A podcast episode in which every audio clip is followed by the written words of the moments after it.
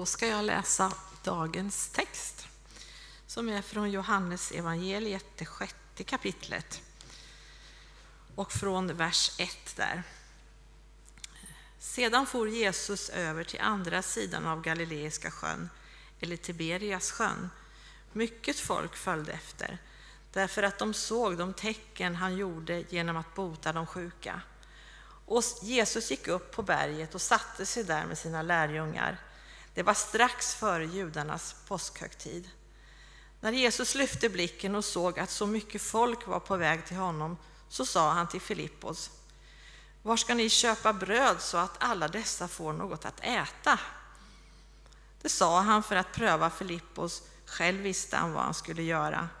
Filippos svarade, det räcker inte med bröd för 200 denarer om det skulle få en bit var. En av lärjungarna, Simon Petrus bror Andreas, sa, här är en pojke som har fem kornbröd och två fiskar. Men vad förslår det till så många? Jesus sa, låt folket sätta sig ner. Det var gott om gräs på den platsen och det slog sig ner och det var omkring 5 000 män.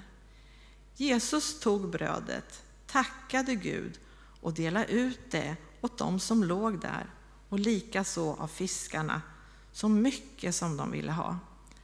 När de hade ätit sig mätta sa han till lärjungarna, samla ihop bitarna som har blivit över, så att ingenting förfars. De samlade ihop dem och fyllde tolv korgar med de bitar av de fem kornbröden som hade blivit över när de hade ätit. Då, sa män, då människorna såg vilka tecken han hade gjort sa de, detta, detta måste vara profeten som ska komma hit till världen.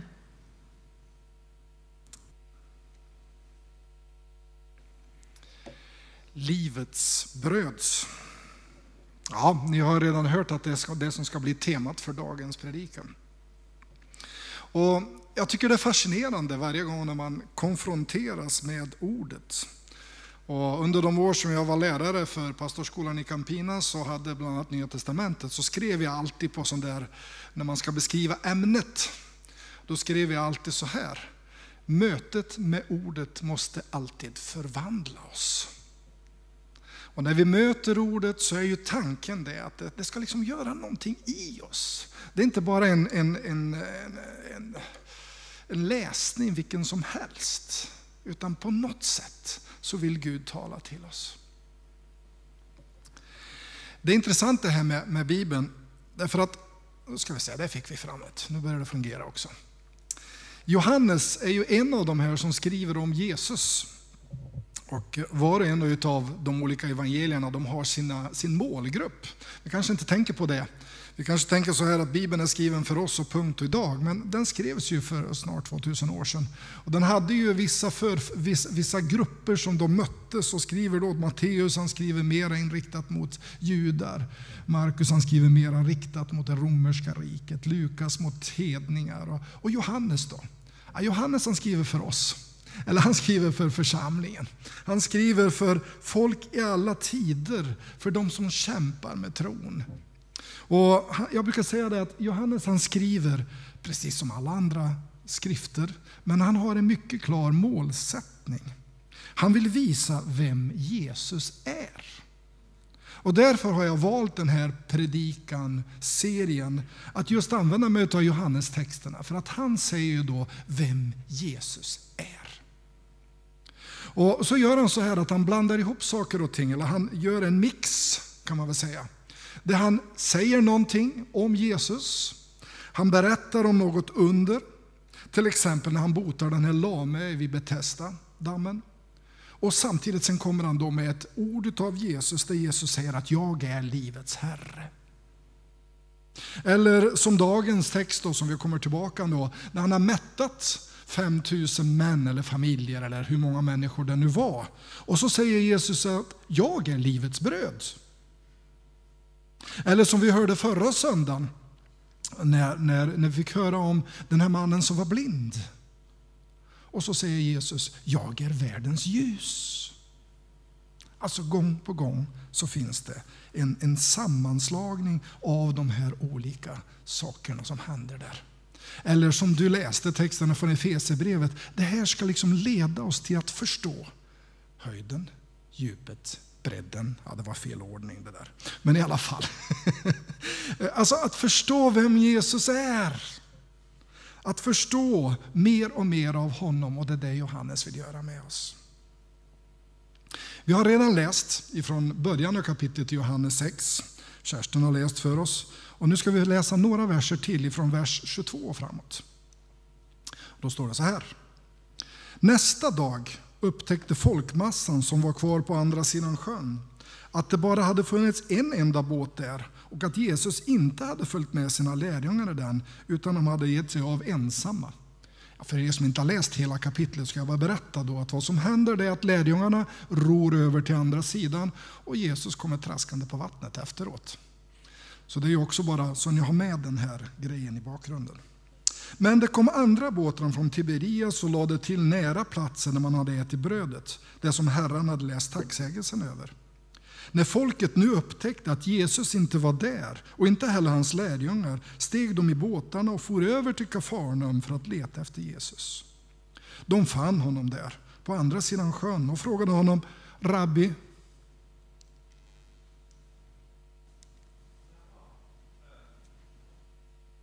Då ska vi se. De fann honom där och frågade Rabbi, när kom du hit? Jesus svarade, sannerligen, jag säger er, ni söker inte efter mig därför att jag har fått, ni har fått se tecken, utan därför att ni åt av bröden och blev mätta. Arbeta inte för den föda som är förgänglig, utan för den föda som består och skänker evigt liv och som Människosonen ska ge er. Ty på honom har Fadern, Gud själv, satt sitt sigill. De frågade dem, vad ska vi göra för att utföra Guds verk? Och Jesus svarade, detta är Guds verk, att ni tror på honom som han har sänt. De sa, vilka tecken vill du göra så att vi ser det och tror på dig? Vad kan du utföra? Våra fäder åt mannat i öknen som det står skrivet, han gav dem bröd från himlen att äta. Jesus svarade, sannerligen jag säger er, Mose gav er inte brödet från himlen, men min fader ger det sanna brödet från himlen. Guds bröd är det bröd som kommer ner från himlen och ger världen liv. Då bad de honom, Herre, ge oss alltid det brödet. Och Jesus svarade, jag är livets bröd. Den som kommer till mig ska aldrig hungra och den som tror på mig ska aldrig någonsin törsta. Bröd. Precis som du nämnde här Anders i början, bröd är ju liksom det här grundläggande och det får representera mat. Bröd är väl nästan det enda som finns i alla kulturer och alla sammanhang, olika sorters bröd.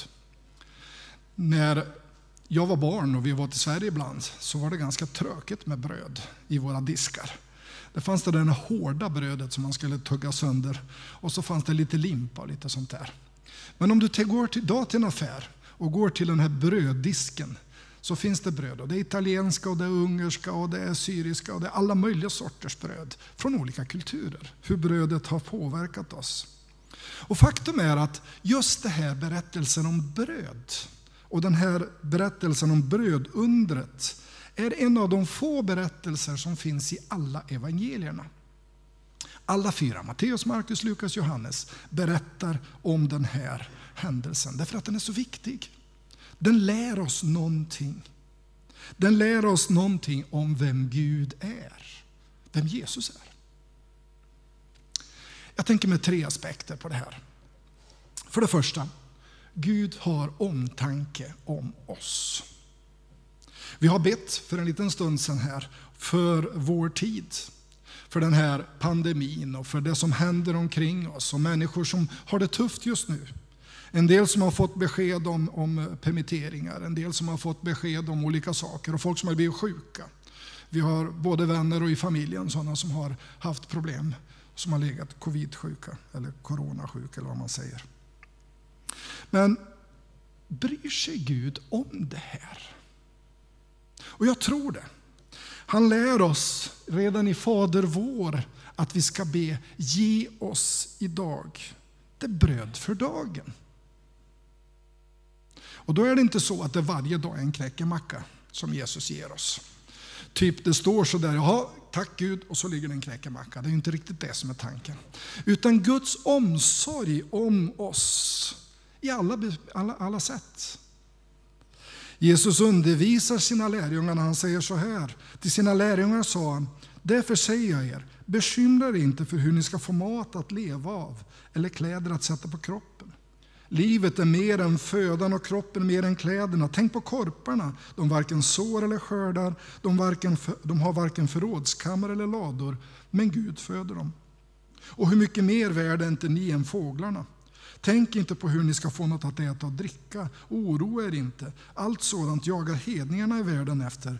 Men er fader vet att ni behöver allt detta. Hur är det egentligen? Vad litar vi på? Vad har vi vår trygghet i? Och jag vet att det inte är lätt att stå där och inte ha mat för dagen, eller inte ha ett arbete, inte veta om lönen kommer in. Det är väldigt lätt att säga så här, bekymra dig inte. Vad lätt det är att säga det när man inte har några problem. Men på något sätt så vill ändå Jesus lära oss var lägger vi vår trygghet.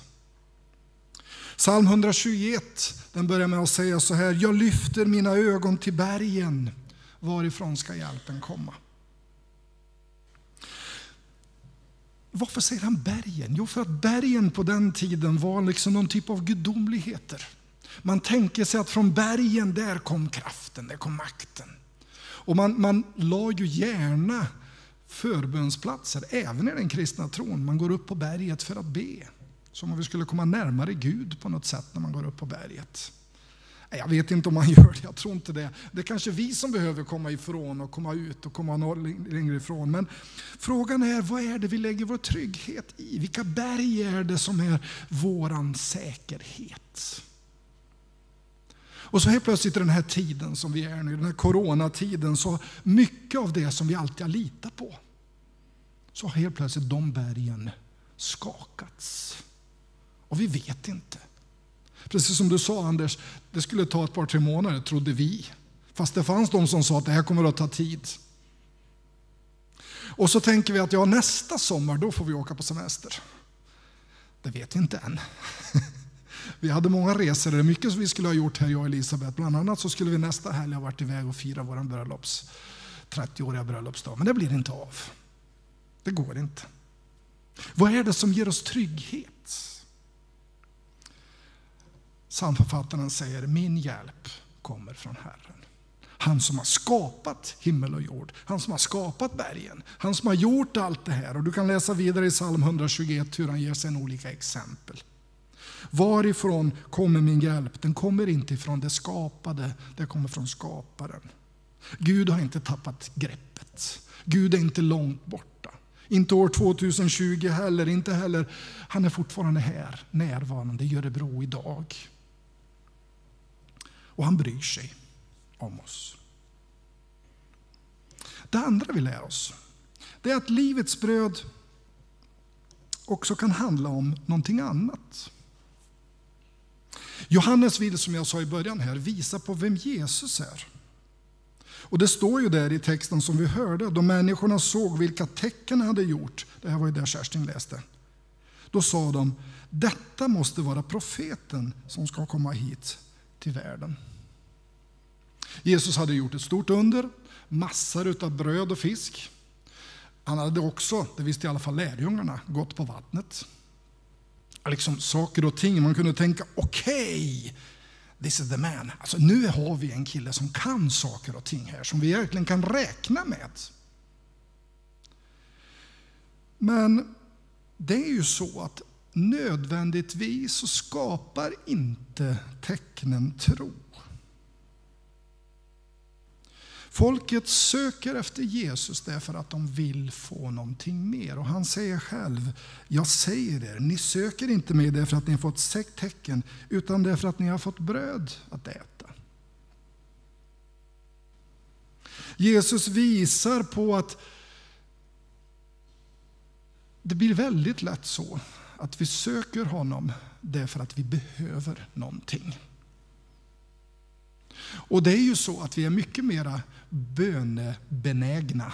Vi är mycket mera närmare att söka Gud när det trycker åt oss. När vi har problem. För den som har det bra, har ett bra jobb, har matet på bordet, har det skönt och kan åka på semester och har allting. Kanske tycker han att jag behöver inte Gud. Kanske tycker man att ja, jag klarar mig bra själv. Till den dag det börjar hända någonting i mitt liv. Och det gör det på olika sätt. Och då säger Gud, var är du någonstans?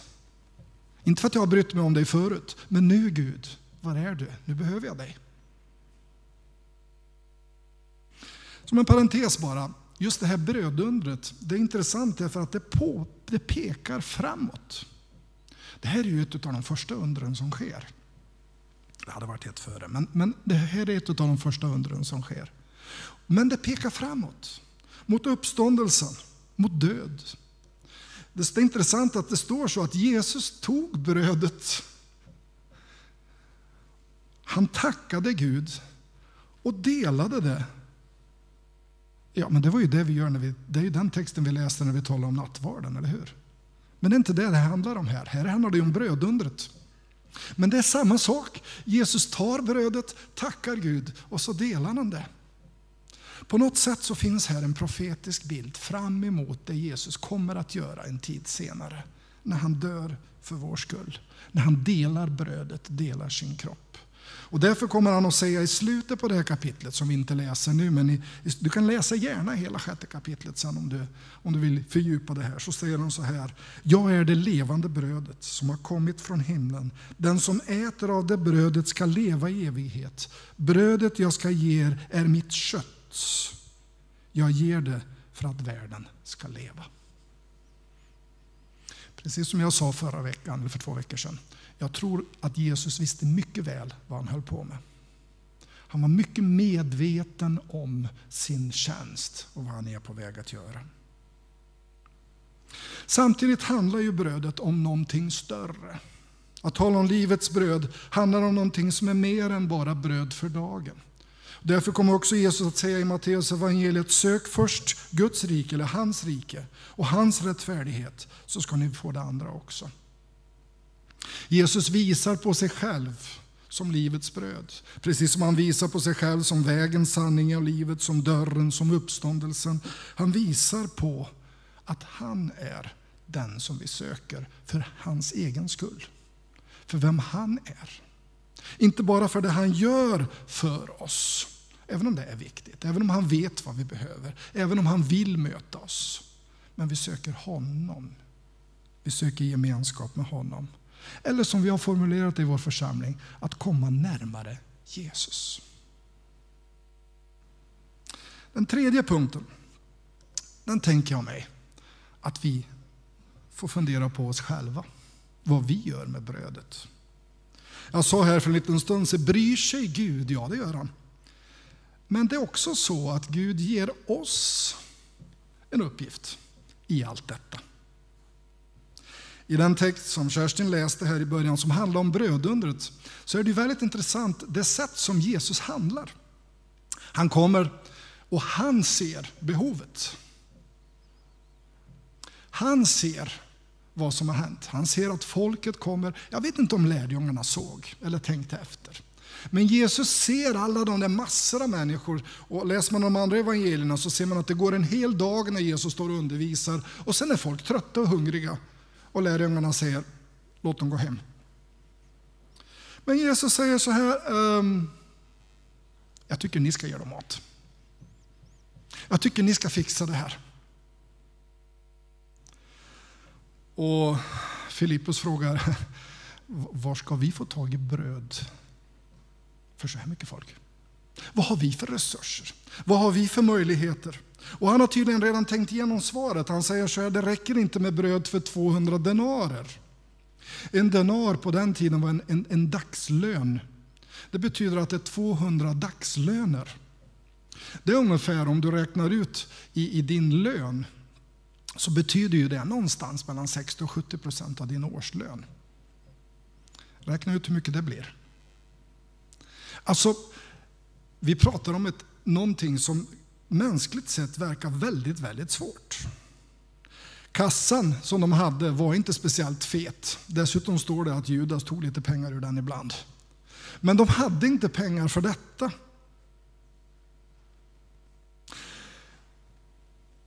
Andreas, kompisen i den här texten, en av lärjungarna också, han kommer fram till, till, till Filippus och säger ja men, men vi har hittat någonting. Vi har här, hur mycket då, säger Filippus. Fem bröd och två fiskar. Fem bröd, två fiskar. Det här är minst 10 000 pers. Andreas, vad tror du? Men Jesus säger, okej, okay, vi tar det. Låt dem sätta sig ner, så tar vi de här fem bröden och två fiskarna. Och jag kan tänka mig hela, hela processen, hur man är, vad, vad händer nu? De har inte gått så länge med Jesus än, så de har lärt sig så mycket.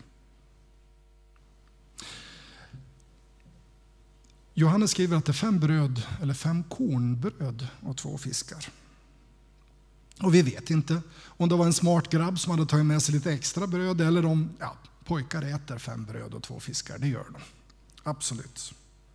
Men kornbröd är också den fattiges mat, den enkla maten. Den tiden, precis som mycket senare, så var vetebröd någonting fint. Men kornbröd, det var det man hade för vardagen. Jag kan väl säga att det är intressant att tänka sig att Jesus förvandlar det hela, inte till vinerbröd och kanelbullar, utan han gör det fortfarande till kornbröd. Det är fortfarande det dagliga brödet som finns där. 5 000 män eller familjer, vi vet inte riktigt. Ett under som sker inför allt detta.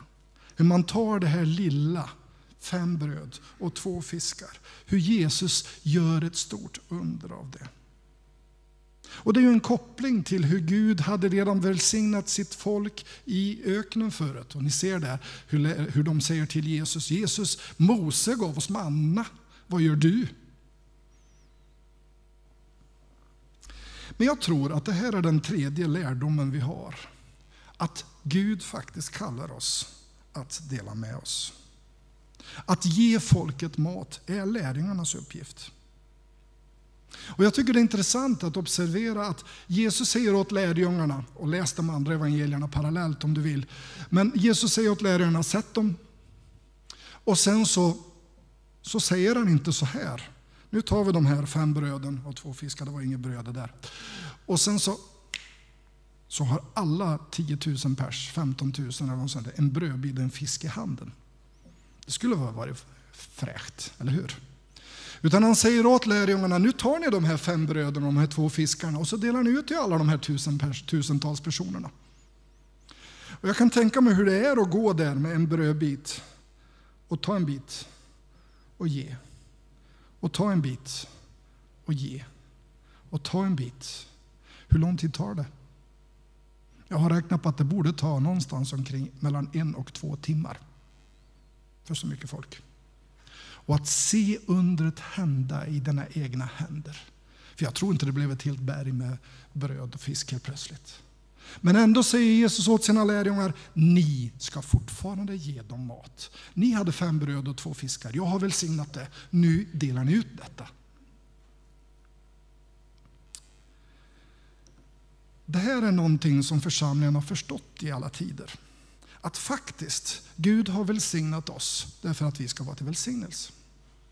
Församlingen i Jerusalem, om du läser Apostlagärningarna kapitel 2 och 4 till exempel, så har man det gemensamt. Man delar på, egenskaper, på egendomarna för att dela ut och ingen ska få mat. Man väljer ut sju diakoner därför att lärjungarna börjar få så mycket jobb med att dela ut matkorgar så att man väljer personer att ta hand om det. Och Det står i historieböckerna att i Antiochia, som är en av de stora församlingarna så småningom, så har man alltså på 400-talet ungefär 3000 änkor och andra behövande som församlingen underhåller. Man har förstått att bröd för dagen är någonting som Gud välsignar oss för att vi ska välsigna vidare. Sen tycker jag det är intressant att Jesus säger så här, okej, okay, nu har vi ätit. Alla har fått äta precis så mycket de vill, läste Kerstin. Så mycket de ville. Ni vet den där som vi tar, får jag, det var gott, får jag en bit till? Ja men visst, det finns, varsågod. Så säger Jesus, nu samlar vi ihop så att ingenting förfars. Och här finns grunden för ett miljötänk, för ett återvinningstänk. Att liksom ta hand om det, inte bara slänga bort det. Någon typ av second hand. Jag vet inte vad de gjorde med det här, om de tog det hade som matkorg nästa dag, eller de skulle gå hem. Eller lärjungarna behövde ha det här för att klara sig i veckan sen, jag vet inte. Men Jesus är bekymrad också om att det vi får, det förvaltar vi på ett rätt sätt. Ta hand om det ni får. Ta hand om det som Gud har gett oss. Gör det till välsignelse för andra människor.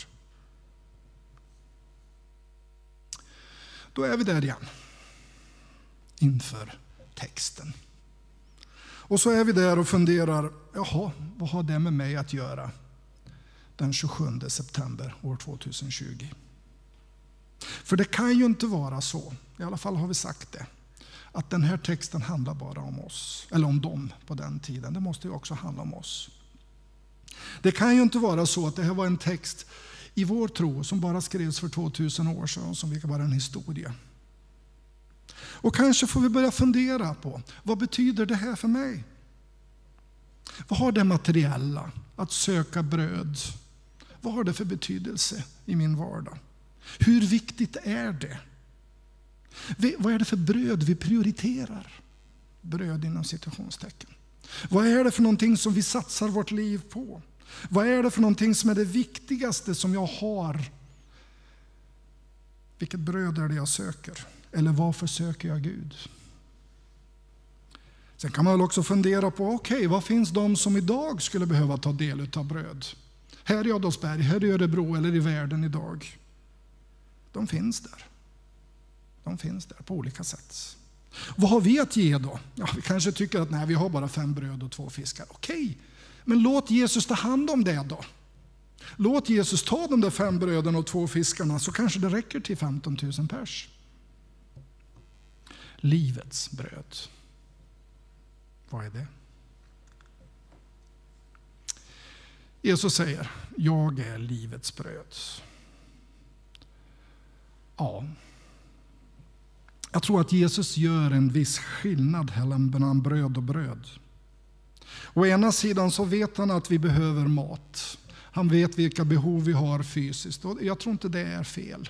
Jag tror att Gud har en mycket stor förståelse. Och, det är jättebra att Jesus var människa, eller hur? Att Jesus faktiskt gick och var hungrig och törstig och trött. Han förstår oss och han vet vad vi behöver. Men jag tror samtidigt att Jesus när han talar om bröd och levande bröd så gör han en skillnad mellan det som är vårt ska säga, andliga behov och vårt kroppsliga behov. För våra kroppsliga behov de finns där. Och det är inte bara mat det handlar om. Det är också uppmärksamhet, det är också bekräftelse, det är också liksom att någon ser en. Och det är sånt som vi all egentligen blir helt mätta på. Det är sånt som kommer igen och vi behöver det gång på gång. Men det finns en fara att våra fysiska behov förblindar oss. Och vi till och med accepterar att världen ser ut som den gör idag. Vi accepterar att människor far illa så länge jag får min brödbit. Vi accepterar att det kan vara fruktansvärt orättvist i den värld som vi lever så länge jag får mitt. Nej, Jesus vill visa på att det finns ett annat bröd. Det finns någonting annat som han säger, jag är livets bröd, den som kommer till mig ska aldrig mer hungra. Men jag tänkte på det, bröd äter man inte en gång. Vi hade en härlig lunch, middag igår eftermiddag. Min kära bror grillade kött. Ja, jag vet att en del tycker inte om den tanken, men vi gillade det. Och jag var fruktansvärt mätt, så igår kväll så lyckades jag göra en liten smoothie. Ja, jag åt en smörgås, Lisa ville inte ens ha det. Men tror du inte jag var hungrig i morse igen? Tänk hur det kan vara. Ja, det syns, jag måste underhålla det här. Men alltså, behovet finns ju där och jag tror att samma sak handlar när vi talar om Jesus. Det är ett bröd som vi inte äter bara en gång. Det är någonting som vi behöver gång på gång. Och precis som vi sjöng i den här sången, sista sången nu här, han bjuder oss syndare till bords. Han säger kom till oss, kom till mig, jag har bord, jag har bröd, ni får äta. Och det brödet, det levande brödet, det skapade i oss någonting nytt. Det skapade oss ett hjärta som vill leva nära honom. Ett hjärta som vill komma närmare Jesus, men också ett hjärta som driver oss ut. Kristi kärlek tvingar mig ut. Ett hjärta som driver oss närmare varandra och som driver oss närmare andra personer. För livets bröd, det ger oss just det, liv. Ett liv i kärlek, där han vill få oss att älska så som han har älskat oss. Vi ber tillsammans. Tack Gud för att du har sänt livets bröd till oss. Du har sänt Jesus Kristus till oss. Och den som vi får möta, Jesus Kristus, han är mer än bara en lärare. Han är mer än bara en undergörare. Han är mer än bara någon som kan ge oss lite ord på vägen. Han vill vara livets bröd. Och Jesus Kristus, låt oss ta emot dig. Lär oss att leva som du levde. Lär oss att leva med ordet, med brödet. Men lär oss också att låta det här brödet gå vidare. Lär oss att älska så som du älskar. Lär oss att också vara frikostiga med det vi har fått. Jag ber dig Jesus i ditt namn.